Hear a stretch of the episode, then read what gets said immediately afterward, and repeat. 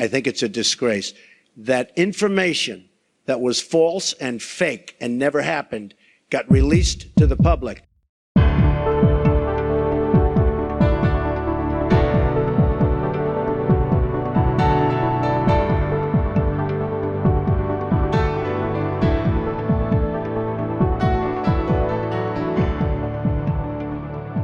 Hej och välkommen till podden Sjuka fakta där vi med hjälp av Sveriges ledande expertis på kroppen och hälsan tar oss an myter och föreställningar som cirkulerar fritt och som ibland letar sig in i fikarummet eller kanske på middagar.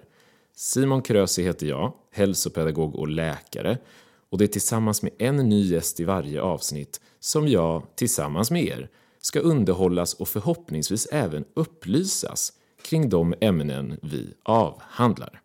Dagens avsnitt ska handla om pubertet. Puberteten betraktar många som en övergång från barn till vuxen. Men vad är pubertet för något egentligen? Varför hamnar killar i målbrottet? Och varför fick tjejer sin första mens i genomsnitt många år senare på 1700-talet än de får idag? Om detta och en mängd annat ska vi idag bli klokare på tillsammans med dagens gäst. Han är barnläkare i botten och valde att gå vägen inom barnendokrinologi, alltså läran om hormoner och hur dessa påverkar kroppen hos barn. År 1984 presenterade han sin doktorsavhandling inom immunsystemet vid Karolinska institutet i Stockholm, där han 17 år senare, år 2001, blev professor i barnmedicin, även känd som pediatrik. 2012 till 2014 var han ordförande i Svenska barnläkarföreningen och han var innan pension i 13 års tid prefekt för institutionen för kvinnors och barns hälsa. Han har riktat en stor del av sin forskning genom åren kring reproduktion och med över 200 vetenskapliga artiklar i ryggen är dagens ämne i trygga händer. Varmt välkommen till Sjuka fakta, professor emeritus Olle Söder. Tack så hemskt mycket. I inledningen här så nämnde jag att mensen kom betydligt senare på 1700-talet jämfört med idag. Skulle du kunna bjuda oss på en kort historisk återgivning kring orsaken till denna utveckling? Mm. Det är ju konstigt kan man tycka att man faktiskt vet idag när svenska flickor fick sin första mens. Det kallas för menarke på vårt eller medicinska språket. Så första mensen är ju en specifik tidpunkt. Så det kan man ju säga direkt att det här är ingenting som är soft i den meningen att, att vi vet klart vad vi letar efter. Men hur kan det komma sig då att man vet att flickor på 1700-talet hade mensdebut det vill säga menarke, vid en viss ålder och hundra år senare vid en tidigare ålder? Ja, svaret är att det här skrevs ner i kyrkböcker. Och det här är inte bara i Sverige utan i många andra länder, särskilt i nordiska länder, inklusive Island, så har man väldigt goda data på det här, alltså när man fick sin första menstruation. Och, och det som då har visat sig i samtliga fall där man har undersökt det här, det är ju att låt oss säga, om vi går tillbaka till 1700-talet, då var mensdebuten någonstans kring 19 år. Och 100 år senare så är det då kanske 17 år. Och, och sen kommer vi till nutid, då har det varit kring 13 år under många år. Och då kan man undra sig, varför är det på det här viset då? Jo, det, det avspeglar nog väldigt tydligt den förbättrade hälsan hos barn och ungdomar. För att om man var undernutrierad, det vill säga om man, om man fick dåligt med näring, man hade tuffa arbetsförhållanden, barnarbete var ju regel så, så, att säga, och infektioner som vi idag kan behandla, som man då kunde ha som kroniska infektioner. Allt det här tillsammans gjorde att, att man inte var färdig att kunna reproducera sig, det vill säga att kunna få barn. Och då var det heller ingen mening att få en, en första menstruation som är ett uttryck för att hela reproduktionssystemet har kommit igång och fungerar. Har du några särskilda myter du skulle vilja slå hål på idag? Ja, det finns ju många saker, men man, man, kan ta upp en sak som är ganska vanlig, att föräldrar säger att hormonbehandling för att få längre tillväxt, den fungerar inte efter att man har slutat växa. Och det är många som tror att om man nu har en, en avtagande tillväxttakt och inte växer mer, då skulle man kunna ge tillväxthormon och ibland kopplat också till könshormoner att det skulle leda till en bättre tillväxt eller att man skulle återstarta tillväxten. Det är inte korrekt, för när man har slutat växa då beror det på att de här tillväxtorganen i tillväxtplattorna de har upphört att fungera helt enkelt. Och då växer man inte en centimeter om man får tillväxthormon. Då börjar det bli dags för att dyka ner i detta hormonstinna, händelserikt svängande och för de flesta oundvikliga fenomen.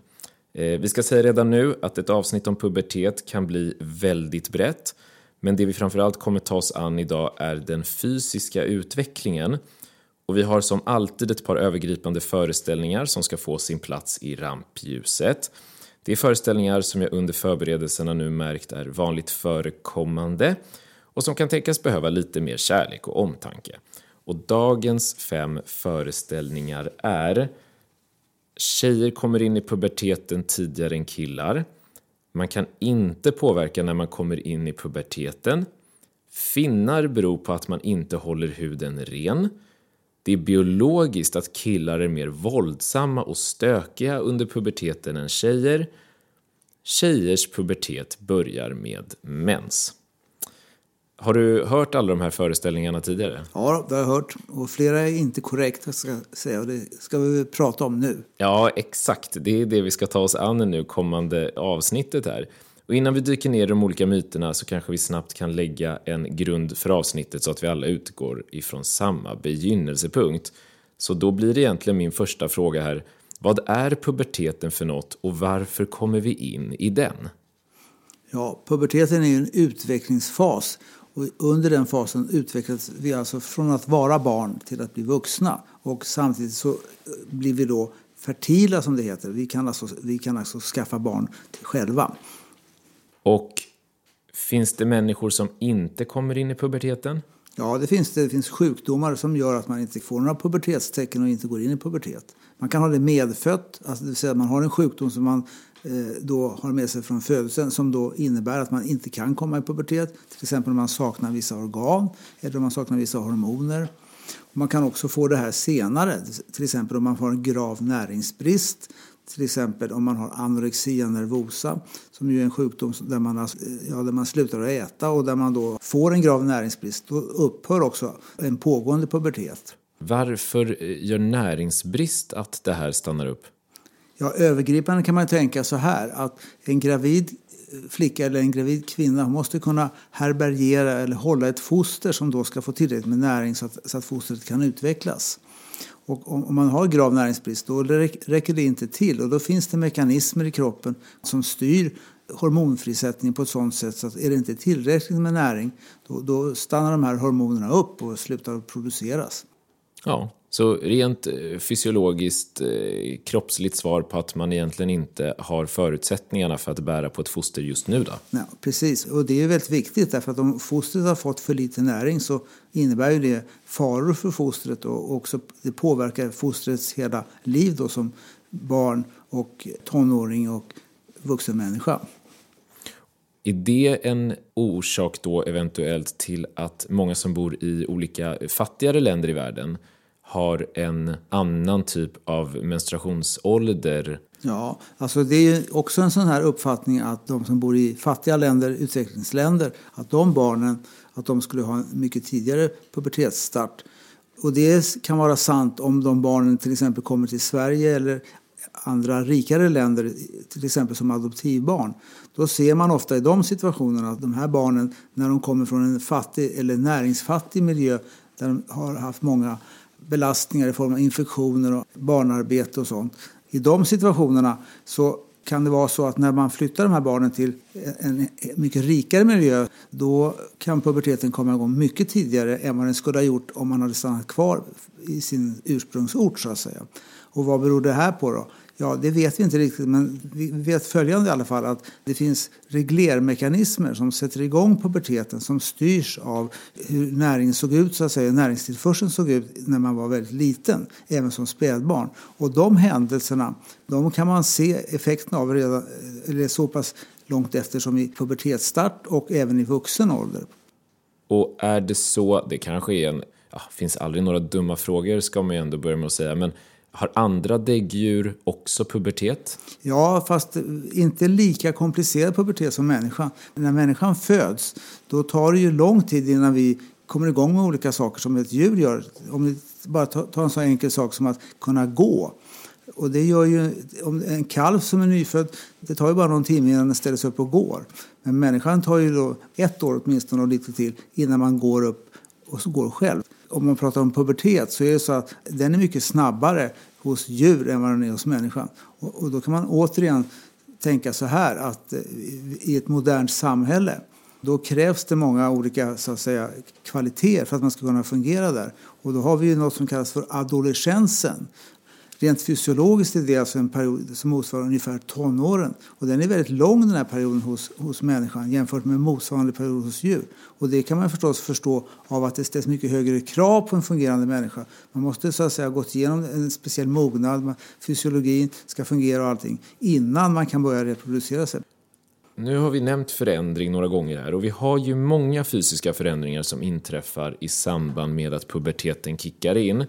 Och här hittar vi bland annat förändring av röst, lukt och längd. Vilka fysiska förändringar sker egentligen när vi kommer in i puberteten? Ja, man måste skilja mellan de två könen. Och för båda könen gäller ju att man börjar tillväxa på längden. Och särskilt ser man ju det hos flickor i mellanstadiet, alltså motsvarande kanske femte, sjätte årskurs. Då börjar flickorna växa. Och det är ett ganska tidigt tecken. Men det allra första tecknet som visar att puberteten är på gång det ser man hos flickor som är tidigare än pojkar. Och det är att brösten börjar tillväxa och knoppa sig. Så att säga. Och det kan man ju se om man lyssnar på hjärtat med stetoskop och så vidare, hur brösten ser ut. Hos pojkar är det inte så. Pojkar är senare och där är det någonting som är svårare att undersöka. Det är nämligen testikelvolymen. En testikel som har startat så att säga, pubertetsaktivitet den börjar växa på volym.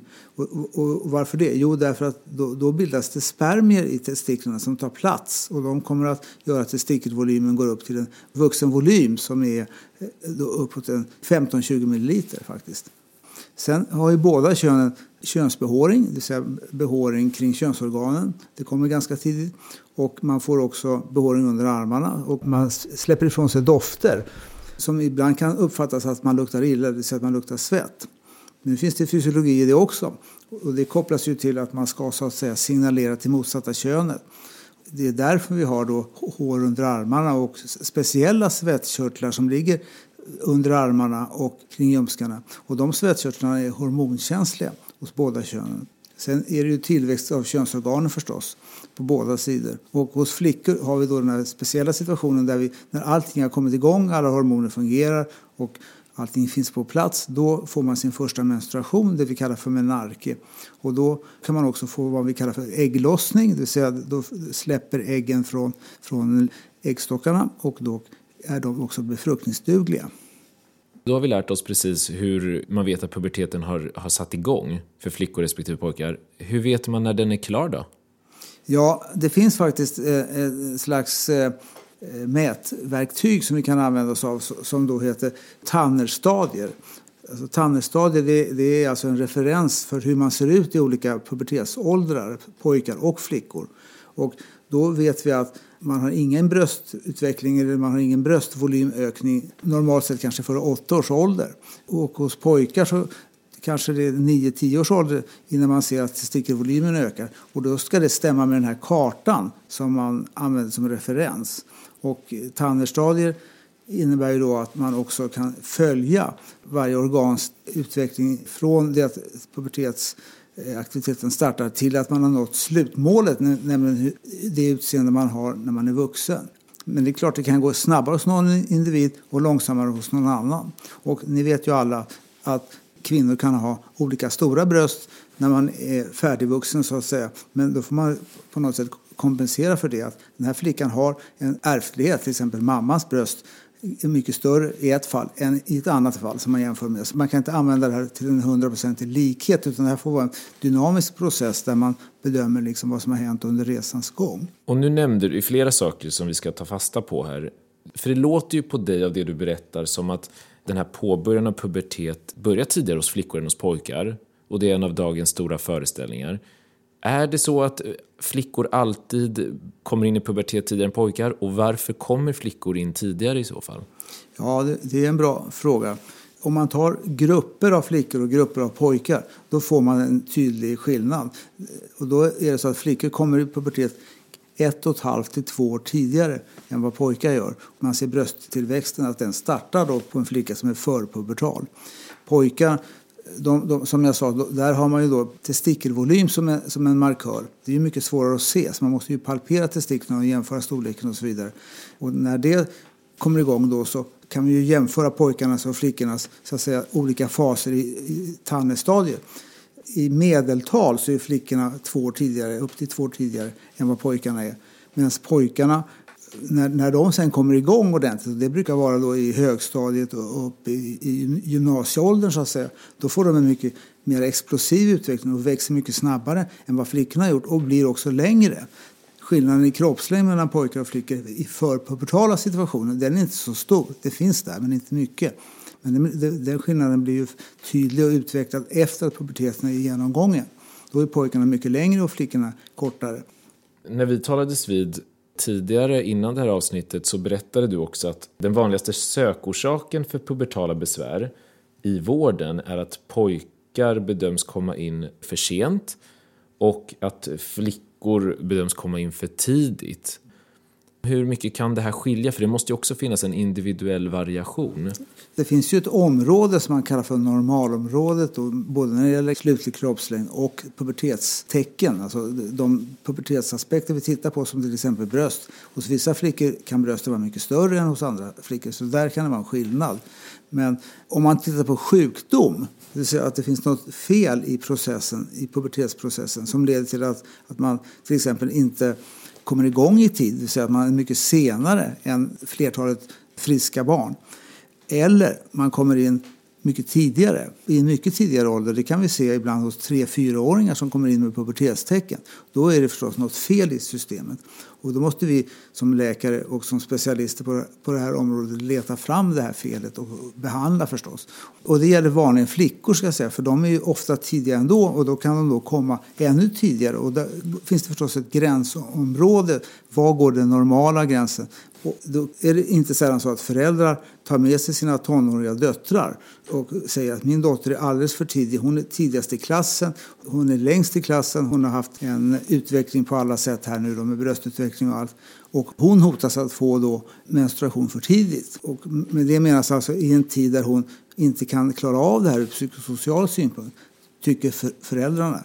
Och den processen den ska ju alla genomgå, men, men om man då avviker kraftigt i tid, det vill säga om man är långt tidigare än sina kamrater, eh, då så kan det vara samma sak där, att man blir så att säga utsatt för utstötningsmekanismer eller man känner sig inte eh, att man längre tillhör gruppen. Mm. Och, och, det, det kan vara hos vissa, inte hos alla, men hos vissa barn kan det vara direkt skadligt. Och det kan man göra någonting åt också genom att det finns hormonbehandling där, som stoppar pubertetsutvecklingen så länge man behandlar. Och, och när, man, när, man, ger den behandlingen då, som är oftast i injektionsform, då stoppar man upp den här processen tills att man då väljer att sluta. Och då har tiden gått och då har man så att säga tappat de här åren när man låg före. Och då har man så att säga kommit in i, i den normala gruppen igen. Nu är det så att tidig pubertet, det, det ärver man. Och den här tidiga puberteten den går då igen både hos flickor och pojkar i den familjen. Och då vet till exempel vanligtvis mammorna om att när jag hade den här situationen, jag var för tidig och gick i skolan, då blev det väldigt besvärligt för jag, blev, jag hade svårt att kontrollera känslor och sådana saker. Medan alltså, motsatsen är vanligt hos pojkar. Där kommer ofta papporna och säger att ja, nu är det så att min son här, han har varit, varit mycket bra spelare i ishockeylaget eller i fotbollslaget. Men nu när vi har kommit upp i 14-15 års ålder då man får vara mer fysisk i sin sport, då räcker man inte till om man inte har kommit upp i puberteten än. Och ofta är det också så att papporna där säger att jag var också sen i puberteten och jag vill inte att min son ska utsättas för det problemet som jag hade, nämligen att jag platsar inte i fotbollslaget eller i ishockeylaget längre och vill ha hjälp för det här.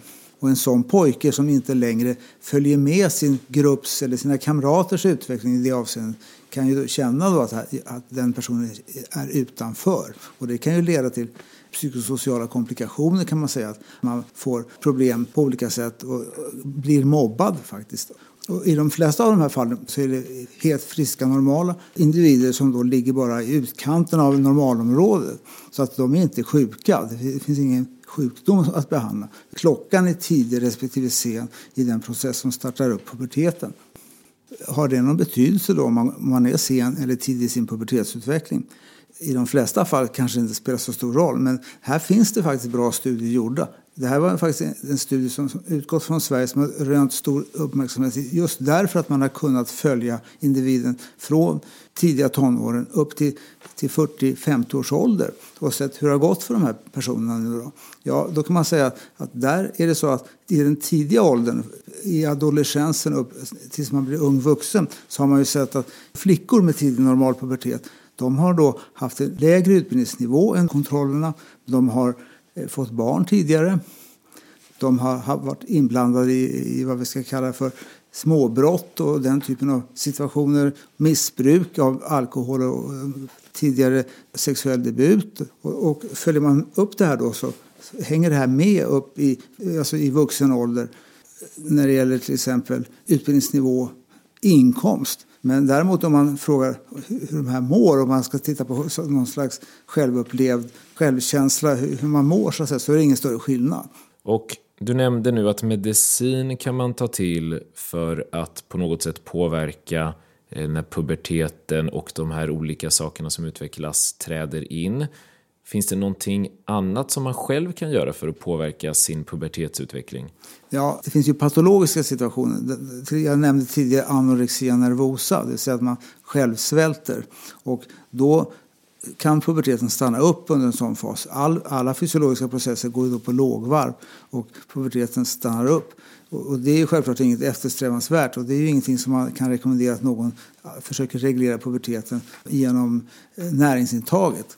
Och, och, samma sak kan jag säga, det gäller ju även individer som konsumerar mycket energi. Och det är extremidrottande personer, till exempel flickor eller kvinnor då, som, är, som är maratonlöpare eller, eller har väldigt hög träningsnivå i form av aktivitet och där man då förlorar eller förbrukar mycket energi. Och I de fallen ser, ser vi också ofta att, att det påverkar ens pubertetsutveckling om det är extremt och, och, och man kan också se påverkan på menstruationen. De kan upphöra under mycket hårda träningsperioder. Så för lite eller för mycket energiintag snedstreck förbrukning kan påverka? Det, exakt ja. så, exakt så. Ja. En av våra lyssnare, Sanne Seilert, hade en fundering kring det som ibland kallas för förpubertet eller preteens på engelska. Är det något som ens existerar eller är det egentligen en del av puberteten? Det är så här att det finns andra organ än könskörtlarna, testiklarna eller äggstockarna som producerar hormoner som kan ha betydelse i sammanhanget. Och det är binjurebarken. Och där produceras det till exempel kortison, men det produceras även manliga könshormoner hos båda könen. Och mycket av de manliga könshormoner som flickor har, de kommer från binjurebarken. Och det tycks vara så att i ett stadium någonstans i skolstart kring 7 8 års ålder, eller 6, 7, 8 års ålder, så aktiveras just binjurebarken. Och där får man då en, en, en, ökad produktion av manligt könshormon även hos flickor. Och då kan man se tecken på pubertet, eller det vi uppfattar som pubertetstecken, även om det nu istället är binjurebarksaktiveringstecken. Det kan vi se i, i de åldrarna. Man brukar säga då att, att om man tittar på en kvinna, om hon har en mörk behåring och om man kan se den till exempel i ansiktet eller, eller på halsen och så vidare som är typ, mer typiskt för män. Om, om det här är synligt då kan man säga att det här är något beroende huvudsak på en aktivering från binjurarna i den tidiga fasen. Och det här kan, det söker många föräldrar med att min flicka har fått lite könsbehåring, hon har fått hår under armarna och framförallt luktar hon svett. Och då undrar man om puberteten har startat. Men det kan vara så att det är bara binjuren som har kommit igång, kanske över något år och sen går det här ner igen ofta. Men puberteten kan komma senare, så, så det här ska man inte blanda ihop. Och svett får ju oss att tänka på huden och huden får oss i sin tur osökt att tänka på akne. Mm. Alltså finnar, som väldigt ofta förknippas med pubertet. Varför får man finnar under puberteten? Det finns tallkörtlar, eller man kan kalla dem för oljekörtlar. Och de här talgkörtlarna ligger ihop tillsammans med hårsäckarna. Men i kombination med att man har många eller väldigt aktiva talgkörtlar och då får en ökning av manligt könshormon. Då, då, kan man aktivera de här talgkörtlarna och då kan det bli så att, att de blir inflammerade och det, kan, det finns speciella bakterier i huden som tycker om det här fettet eller den här talgen och växer väldigt bra i det. Och inte sällan blir det stopp i de här gångarna från de här tallkörtlarna. Och då sväller det upp små typiska tecken, då, de här hudförändringarna man ser då, som då karaktäriserar akne. Det kan vara förstås oerhört vanprydande att ha den där svåra aknen men det kan också leda till väldigt fula infektioner som också i vissa fall måste behandlas med antibiotika. Men i de flesta fall så är akne en övergående eh, sjukdom som finns under tidig pubertet men sen försvinner när man blir vuxen. Kan man säga att det stämmer att man får finnar för att man inte tar hand om sin hud? För det är en ganska vanlig föreställning. Ja, det har ju ingenting med hygien att göra. Utan alltså, det är klart att i behandling av, av akne så ingår att man behandlar med speciella rengöringsmedel. Men det, det, det ingår i, så att säga, i ett paket av olika behandlingsmetoder. Men man kan dementera att det, alltså akne inte beroende på att, en, att individen i fråga har misskött sin hud, sin hygien eller inte tvättat sig i ansiktet på rätt sätt och så vidare. Det, det beror inte på de sakerna. Det här kommer ju inifrån. Just det. Och förutom lukt och akne så eh, nämnde jag ju tidigt även målbrottet. Och målbrottet är ju en sån där typisk förändring som ofta tillskrivs pojkar även om det sker med såväl pojkar som flickor. Vad är det som händer när man kommer in i målbrottet? Ja, alltså det som gör att rösten ändras, för målbrottet innebär ju att man får en liksom mycket så att säga, mera basröst och att man också tidigt i den här processen också inte kan så att säga, hålla tonläget konstant utan man får pipande biljud och andra biljud. Men framförallt en mycket grövre röst. Och det är ju talorganets muskel som så att säga bidrar mest till det här. Men hela talorganet växer ju till i samband med, med att man får pubertet.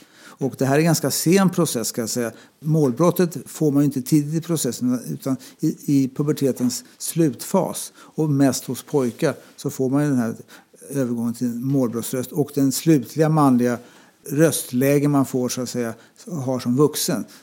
Det etableras ju någonstans i slutet av puberteten.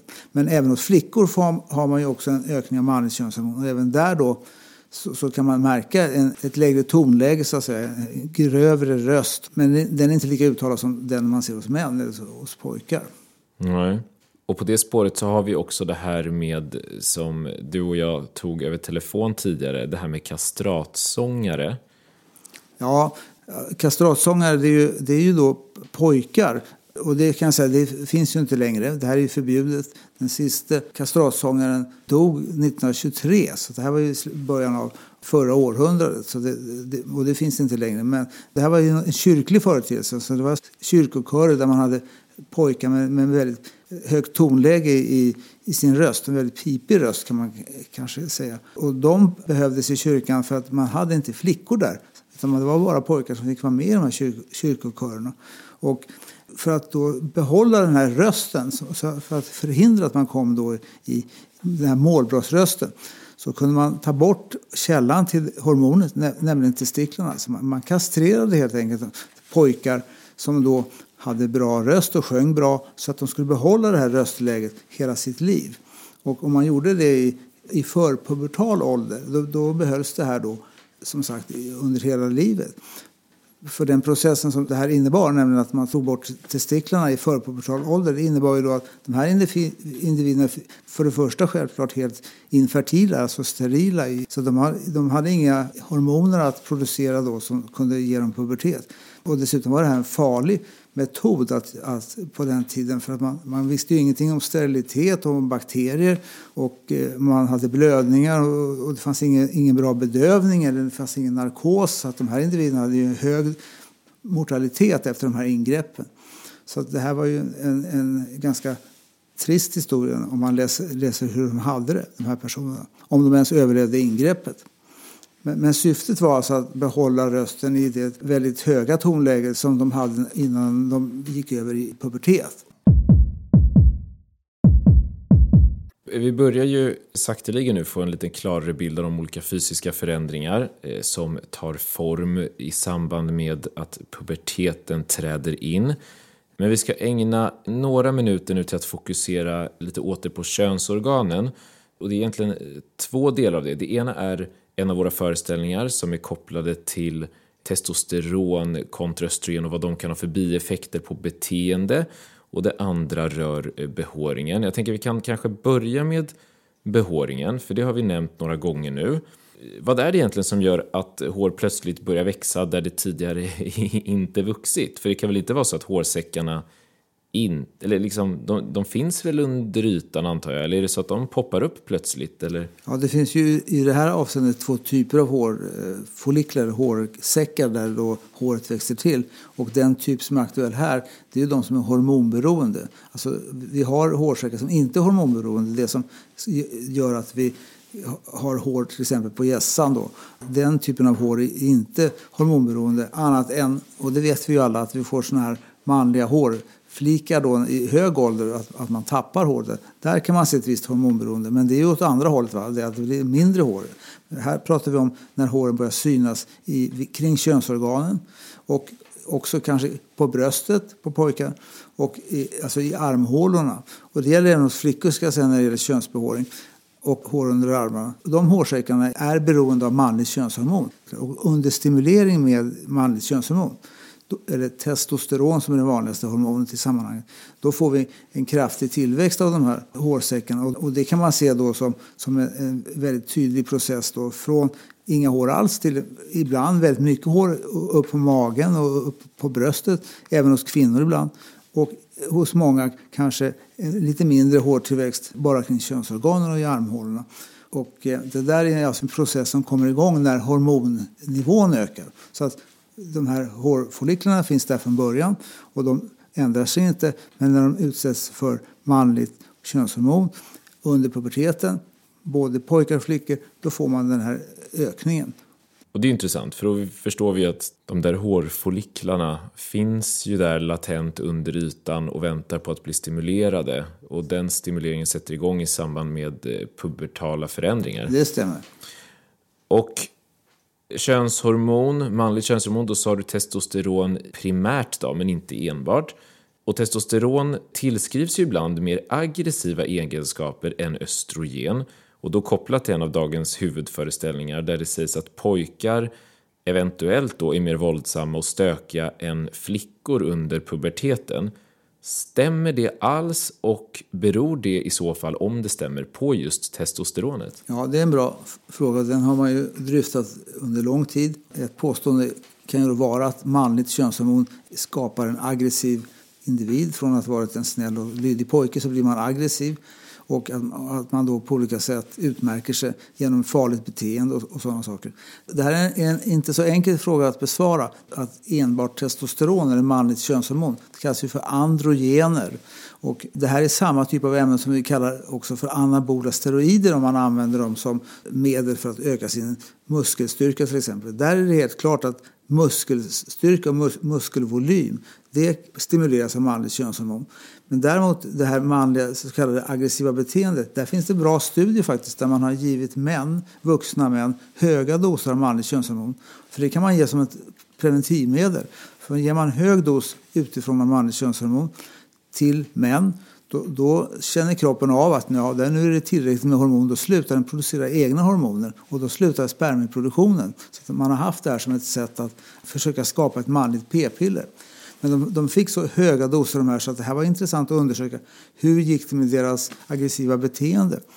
Det vanliga är ju att kvinnor får de här medlen. Men när män då fick det här i höga doser, de visade ingen större påverkan på aggressivitet. Så att där har man dragit slutsatsen att det finns andra faktorer som är kopplade kanske till Y-kromosomen som en man har. En man har ju XY i, i könskromosomen medan en kvinna har XX. Och, och det finns situationer där man också kan visa att har man flera Y-kromosomer då kanske det ger en tydligare ökning av aggressivitet än om man bara har högre koncentrationer av, av, testosteron. Så att den här frågan är inte löst, ska jag säga. Utan det finns fortfarande studier som kan tyda på, och framförallt på försöksdjur, om man ger dem testosteron så blir de här djuren väldigt aggressiva. Det finns särskilda möss som är snälla tills man ger dem testosteron. Då kan de bli otroligt aggressiva på låga doser. Så att det finns en koppling i alla fall på försöksdjur. Men på människa så finns det inte tydligt klara belägg att man då blir väldigt aggressiv. Då kan man ju fråga sig, för det här är också en sån här föreställning, att anabola steroider som ju man tar för att få större muskler och så att säga, fungera bättre i olika idrottsliga sammanhang när man missbrukar det här Där hävdar man ju också att de individerna blir mer aggressiva. Men, men det, där kan man säga att de flesta av de som tar de här medlen, de tar ju även andra medel och de är kanske inte samma personlighetstyp som de som inte tar anabola steroider. Så det här är inte lätt att hitta bra kontroller i kontrollerade försök. Så det var ett långt svar på den frågan, men det här är en komplicerad fråga. Och jag kan inte faktiskt med vetenskap belägga att testosteron skulle vara ett så kraftigt medel att öka aggressivitet som många påstår. Nej, så frågan är ännu olöst och det kan eventuellt finnas någon komponent i testosteron som påverkar men det förklarar inte hela bilden hos människan, vad man vet än. Nej, precis. Nej, intressant. Vi ska eh, nu gå in i nästa del i, i detta avsnitt, men snabbt innan vi gör det så vill jag redan här få in ett föräldrafokus. Vi pratade ändå om pubertet och det är då såklart kopplat till en förändring som sker hos unga människor som har vårdnadshavare ofta som kanske inte förstår förändringen och inte vet hur man ska hantera förändringen. Så om man nu lyssnar och inte vet hur man på bästa sätt kan prata med sina barn om de förändringar de genomgår eller kommer att genomgå i och med puberteten, var hittar man information som kan fungera som stöd när man har ett sådant samtal? Ja, om, om, om man tittar från föräldrahåll, där finns det ju litteratur, eller vi kan kalla det för lekmannalitteratur kring just pubertetsprocess och så vidare. Där kan man ju hitta bakgrund och bra information. Men ungdomar i den ålder där det här är aktuellt, de får ju väldigt mycket information i skolan. Man fokuserar ju en hel del på det här i, i olika skolämnen, framförallt kanske biologi eller de ämnena som handlar om just naturvetenskapliga frågeställningar.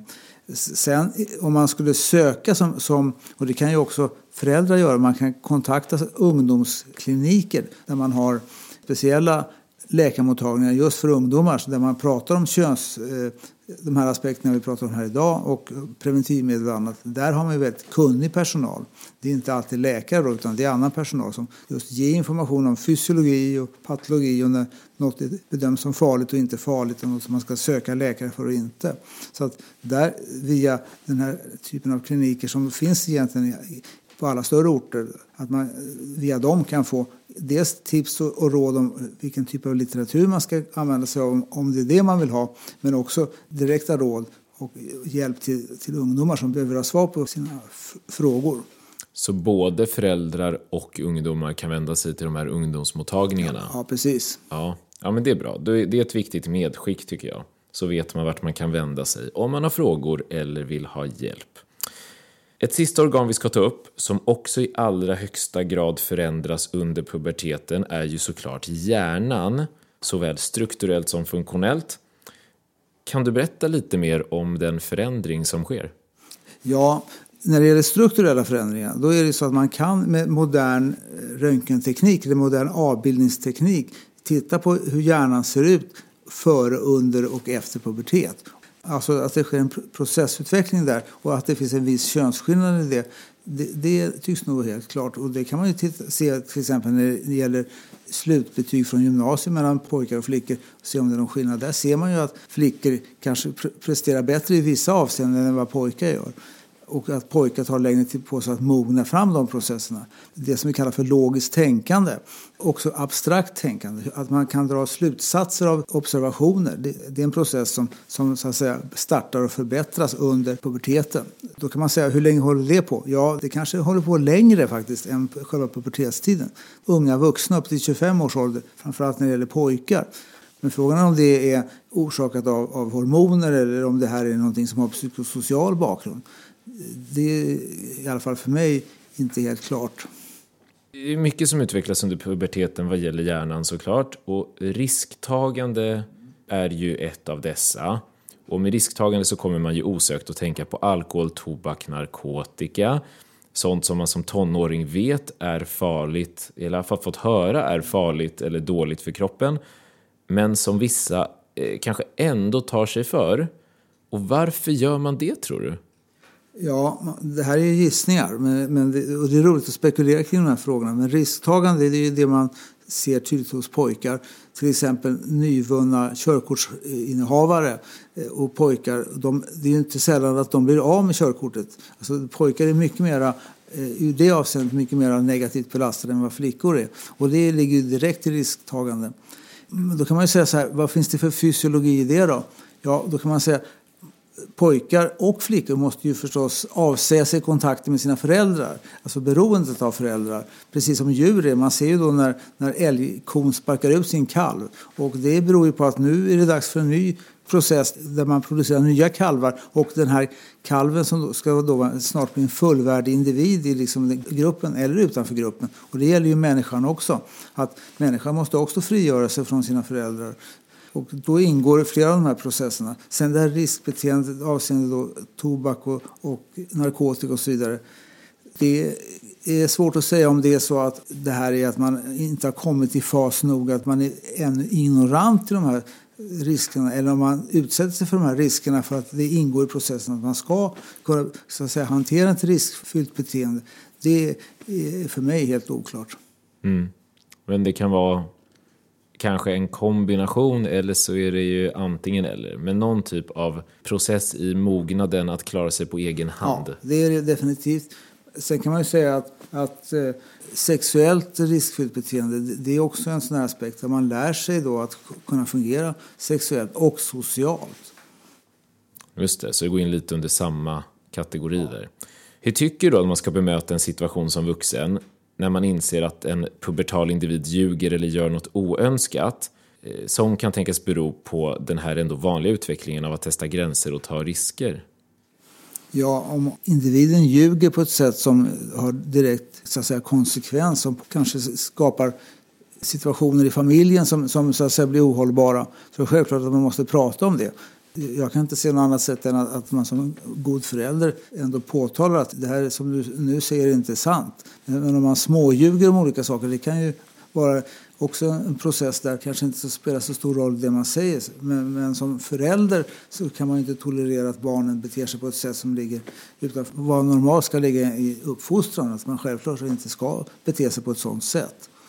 Det är lite intressant där, för givet den kunskap du besitter och alla år som du har forskat på området hur tror du att man på bästa sätt, om vi ska komma in på lite tips och tricks här, hur tror du att man ökar sannolikheten som föräldrafigur att få en ungdom att välja det spår som du själv vill att hon ska välja, eller välja bort för den delen, när det finns en sån här komponent i det hela att det kanske finns en viss eh, liksom, naturlig evolutionär trots?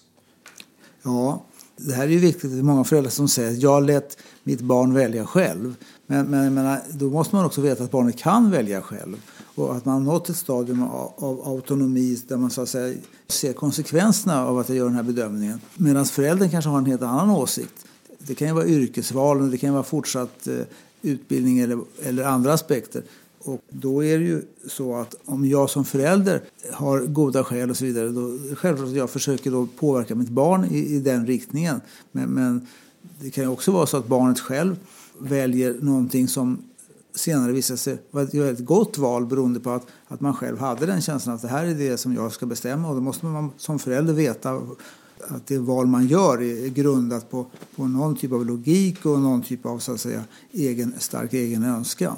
Men om föräldrarna mycket starkt försöker påverka barnet i en viss riktning, till exempel när det gäller yrkesval, det är ju klassiska situationer att, att man tycker att du ska bli det och så vidare. Och med, medan ungdomen själv säger att det ska jag aldrig bli. Och sen är det ju ändå så att den här personen själv ska ju bli autonom och ska ju så att säga välja och ska ju kunna leva i det här yrkesvalet eller vad det nu rör sig om. Så man ska ändå på något sätt eh, lita till processen men försöka kanske att på ett väldigt snällt sätt komma med lite tankar och funderingar själv då? Absolut. Men om vi tar det här med missbruk, för det är ju rätt, rätt intressant och faktiskt rätt aktuell situation. Nämligen det här att man då ska undvika tobak och alkohol och droger. Nu pratar man ju om att legalisera cannabis. Och som läkare jag har jag sett många cannabispåverkade individer och sådana som har haft haschpsykoser. Och det är ju en väldigt allvarlig sjukdom. Där ska man kunna tänka sig en situation där ungdomen tycker att ja, men det är inte så farligt med, med, med cannabis för det brukar ju vara varannan person. Och det finns ju många länder i världen som plötsligt det här är tillåtet. Man har även den diskussionen i, i Sverige. Och då blir det mer politiskt kanske, men, men åtminstone som jag ser det. Jag skulle aldrig förespråka något sånt efter att ha sett de här personerna som har varit direkt skadade av cannabismissbruk. Och det är kanske ett bra exempel på, på en drog som ändå har, är socialt accepterad i många länder men inte i andra. till skillnad från mycket starkare droger som kan vara direkt farliga och dödliga. Och tänker du då att det sätt som man som föräldrafigur då påverkar den här ungdomen är att informera? För det är inte så att de flesta ungdomar i tonåren inte vet vid det laget att det är farligt. De vet ju att det är farligt, men ändå tar man sig för sånt. Nej, alltså när det gäller starkare med, typ, alltså starkare droger som heroin och den typen av medel som måste injiceras då är det ju självklart så att, att det finns, det, jag kan inte se någon som helst situation där, där man skulle kunna vara positiv och, och försöka överföra den känslan eller tanken till sina, sina barn kring den typen av droger. Men det är svårt att hantera det här om, på, om man som förälder är positiv om man då som ungdom ska så att säga, ställa sig till det och ha föräldrar som ena sidan har, har positiv syn på det här medan andra föräldrar, kamrater, kanske har negativ syn. Så, så det gäller ju även alkohol kan man säga. Att, att hur ska man hantera den här situationen? Och och vi, vi har ju lagstiftning kring det och vi har ju massa sociala situationer där, där alkohol plötsligt då kan vara accepterat av föräldrarna i, ja, i vissa typer av firanden och så här. Det här, blir, det här är ett svårt område tycker jag. Alltså, för jag är också förälder, hur man ska hantera den situationen. Ja, och varför jag frågar är ju, för nu är vi ändå inne lite på det här med att hur, hur ungdomar fungerar under pubertet och det finns ju inte ett rätt svar på det säkert. Men du har ju som alkohol som exempel så har du ju i, å ena sidan kanske föräldrar som nolltolerans upp till 18 års ålder. Och sen finns det andra som kanske har inställningen då att ja, fast nolltolerans, då är det ju risk att barnen dricker bakom ryggen på föräldrarna och då har man ingen insyn i det bruket och då är det svårt att ha en dialog med ungdomarna och därav säger man, vet du vad, jag kanske kan köpa ut åt dig eller jag kan tillhandahålla alkohol i en viss grad för att då blir det mer kontrollerat och på något sätt eh, synliggjort för föräldrarna så att det känns som att de har mer kontroll. Och min fråga bottnar väl lite i vilken av de här strategierna som skulle vara bäst då för att ja, men, riskminimera ett potentiellt farligt oönskat beteende hos de egna ungdomarna som redan har en medfödd, eh, jag hittar inte ens ordet nu, men en medfödd läggning att ha riskfyllda beteenden i och med den process de befinner sig i. Det är svårt, tycker jag i alla fall, att på något sätt kringgå lagstiftning. Jag menar, om det är lagstiftning att, att man då inte får dricka alkohol förrän man är 18 på olika etablissemang och du får inte köpa alkohol själv förrän du är 20 och att man själv då skulle så att säga som förälder eh, rekommendera eller stödja att man då dricker alkohol ens tidigare än 18 års ålder, det är en svår situation. Sen vet ju jag, precis som de flesta andra föräldrar, att så här ser det ju inte ut. Utan de här barnen får ju hjälp att få tag på alkohol på olika sätt med hjälp av kamrater eller via andra kanaler så att säga. Och den situationen är reell och den ser vi, den finns där. Men, men att stödja det här det är svårt. Mm. Vi, ska, vi ska lämna det lite och komma in på det här kort med identitet som sägs utvecklas under puberteten. Och det är nog en för stor fråga att försöka avhandla på några få meningar. Men upplever du att det är vanligt med identitetskriser under puberteten och vad brukar de i så fall bestå av? Ja, alltså, det är ju mycket vanligt att, att, att, personer som från utvecklingen till barn till så att säga vuxen, att, för det är då man ska också på något sätt etablera sin identitet. Den, den processen har förstås pågått hela livet. Men just i slutfasen här innan man så att säga, blir vuxen och ska bli en fungerande individ och fungerande människa i, i en psykosocial situation i samhället. Här är det väl så ändå att individer som senare insjuknar i i psykisk sjukdom där det här kan vara en viktig fråga. Vem är jag och så vidare. Där kan det vara den typen av process som då blir synlig. Det är inte säkert att, att man har synlighet eller att man som individ så att säga, visar upp den här typen av problem om det, om det uppkommer. Och det beror väl på att man inte man har inte försökt vara autonom. Men när man försöker vara autonom och utvecklas till en tänkande vuxen, fungerande vuxen, det är då det här sätts på prov och då kan det bli situationer förstås som också kan bli sjuk, rena sjukdomssituationer, det vill säga debut av olika psykiska sjukdomar. Men sen har vi ju det här med könsidentitet och så vidare. Och, och där kan man fråga sig, är det någonting som är medfött eller är det någonting som, som så att säga, man förvärvar? Det ser ut som det är medfött för det är kopplat till biologiskt kön. Och den typen av situationer blir mer tydlig då. kan man säga. Den kanske har funnits där hela, hela livet men den blir mer tydlig i situationer där, där det här sätts på sin spets. Sexuell läggning är en sån sak. Och man kanske har uppfattat sig själv då som neutral i den synpunkten eller homosexuell till exempel. Att den typen av situation det blir mer tydligt när man kommer upp i den åldern när, när sexuella kontakter och sexuell aktivitet när det så att säga, tillhör ja, den dagliga situationen. Och, och, vilka råd brukar du ge i samband med olika typer av identitetskriser till patienter och eller föräldrar om de lyfts med dig? Ja, alltså det beror ju helt på vad det handlar om. Men om det här handlar om identitetskriser där man själv så att säga, undrar vem man är och så vidare. Om det är till en nivå att man har svårt att klara den dagliga situationen och att det här är psykisk sjukdom så är det klart det här brukar ju hamna hos BUP, alltså barn och ungdomspsykiatrin. Och det är klart i den situationen, om det är så pass gravt att det inte fungerar alls, då är det ju någonting som man behöver mer professionell hjälp med. Så är det någon som eh, lyssnar och eh, känner med sig att eh, det pågår väldigt mycket förändringar och man vet inte riktigt vart man ska vända sig så kan man ju dels vända sig till de här ungdomsmottagningarna och få vidare stöd och handledning där. Och så kan man även om man har på något sätt sämre mående mentalt så kan man också vända sig till BUP, barn och ungdomspsykiatrin. Precis. Nu är det ju så att det inte alltid föräldrarna ser det här och, och då kanske jag ser det som somatisk doktor. Och det kan ju vara till exempel självskadebeteende. De är experter på att dölja det här för sina föräldrar. De kan skära upp sig på armarna och sen åker man in till akuten och får det här ihopsytt. Det ingår ju liksom i processen utan att föräldrarna vet om det. Det här kan ha pågått i flera år i vissa fall. Så sådana exempel har jag ju sett. Och då så hjälper ju vården till kanske att etablera en sån kontakt ja, om det behövs. Problemet är ju om de, de blir över 18 år. Då är man ju nämligen myndig. Och då har, har ju sjukvården ingen rätt att kontakta föräldrarna om det uppkommer sådana situationer. Det måste individen göra själv. Och sjukvården kan ju självklart meddela föräldrarna men då måste ju den här personen som, som det rör också vara med på det. Och så att säga vilja det. Och, och säger man nej, vilket är vanligt, då får man inte ha den kontakten. Det är en ganska otillfredsställande situation. Men man förstår ju varför. Men självklart, ska man vara autonom och ska man vara myndig då ska ju det gälla. Men, men det här handlar ju om, om den här personens väl och ve och framtida livssituation. Just det. Olle, vi börjar faktiskt närma oss slutet nu för dagens eh, samtal. Och innan vi avslutar så ska vi se om vi blivit klokare utifrån de från början formulerade huvudföreställningarna för dagens avsnitt. Tjejer kommer in i puberteten tidigare än killar, sant eller falskt? Det är sant. Man kan inte påverka när man kommer in i puberteten. Ja, det är inte heller sant. Det är falskt, fast det kan säga har vissa begränsningar. Man, man, kan säga så här, man kan ge hormoner utifrån så man får pubertetstecken. Men att kalla det för pubertet, rent, alltså att det skulle likna helt och hållet den fysiologiska puberteten, det är inte sant. Nej.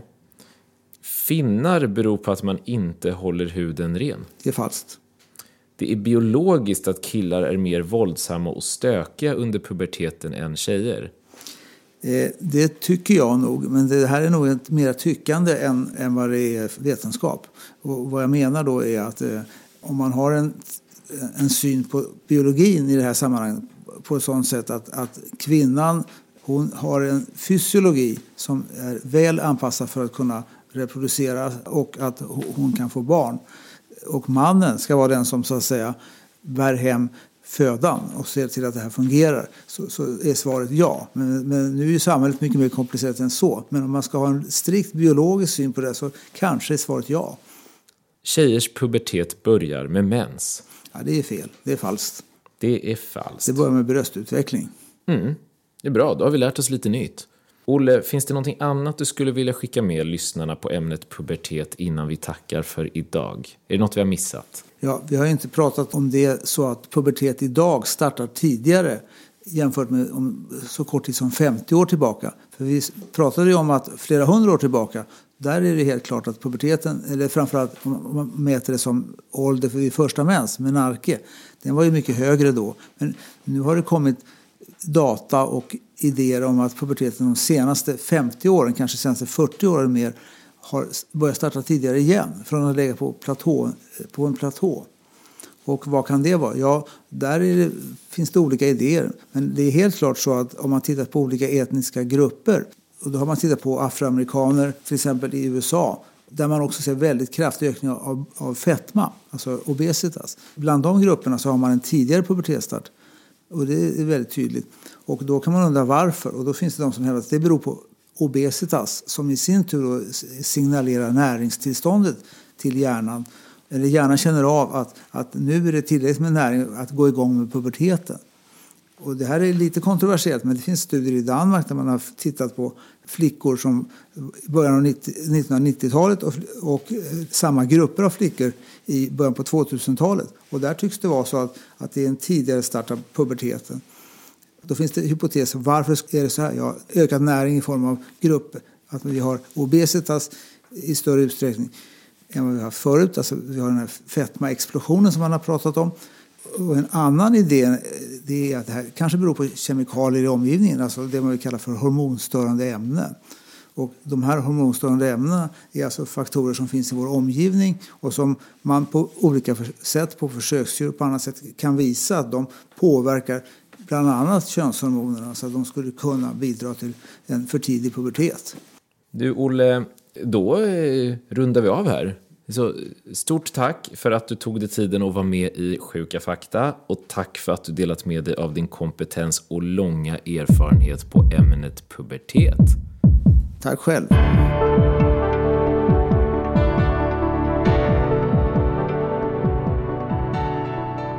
Det här var ingen mindre än Olle Söder om pubertet.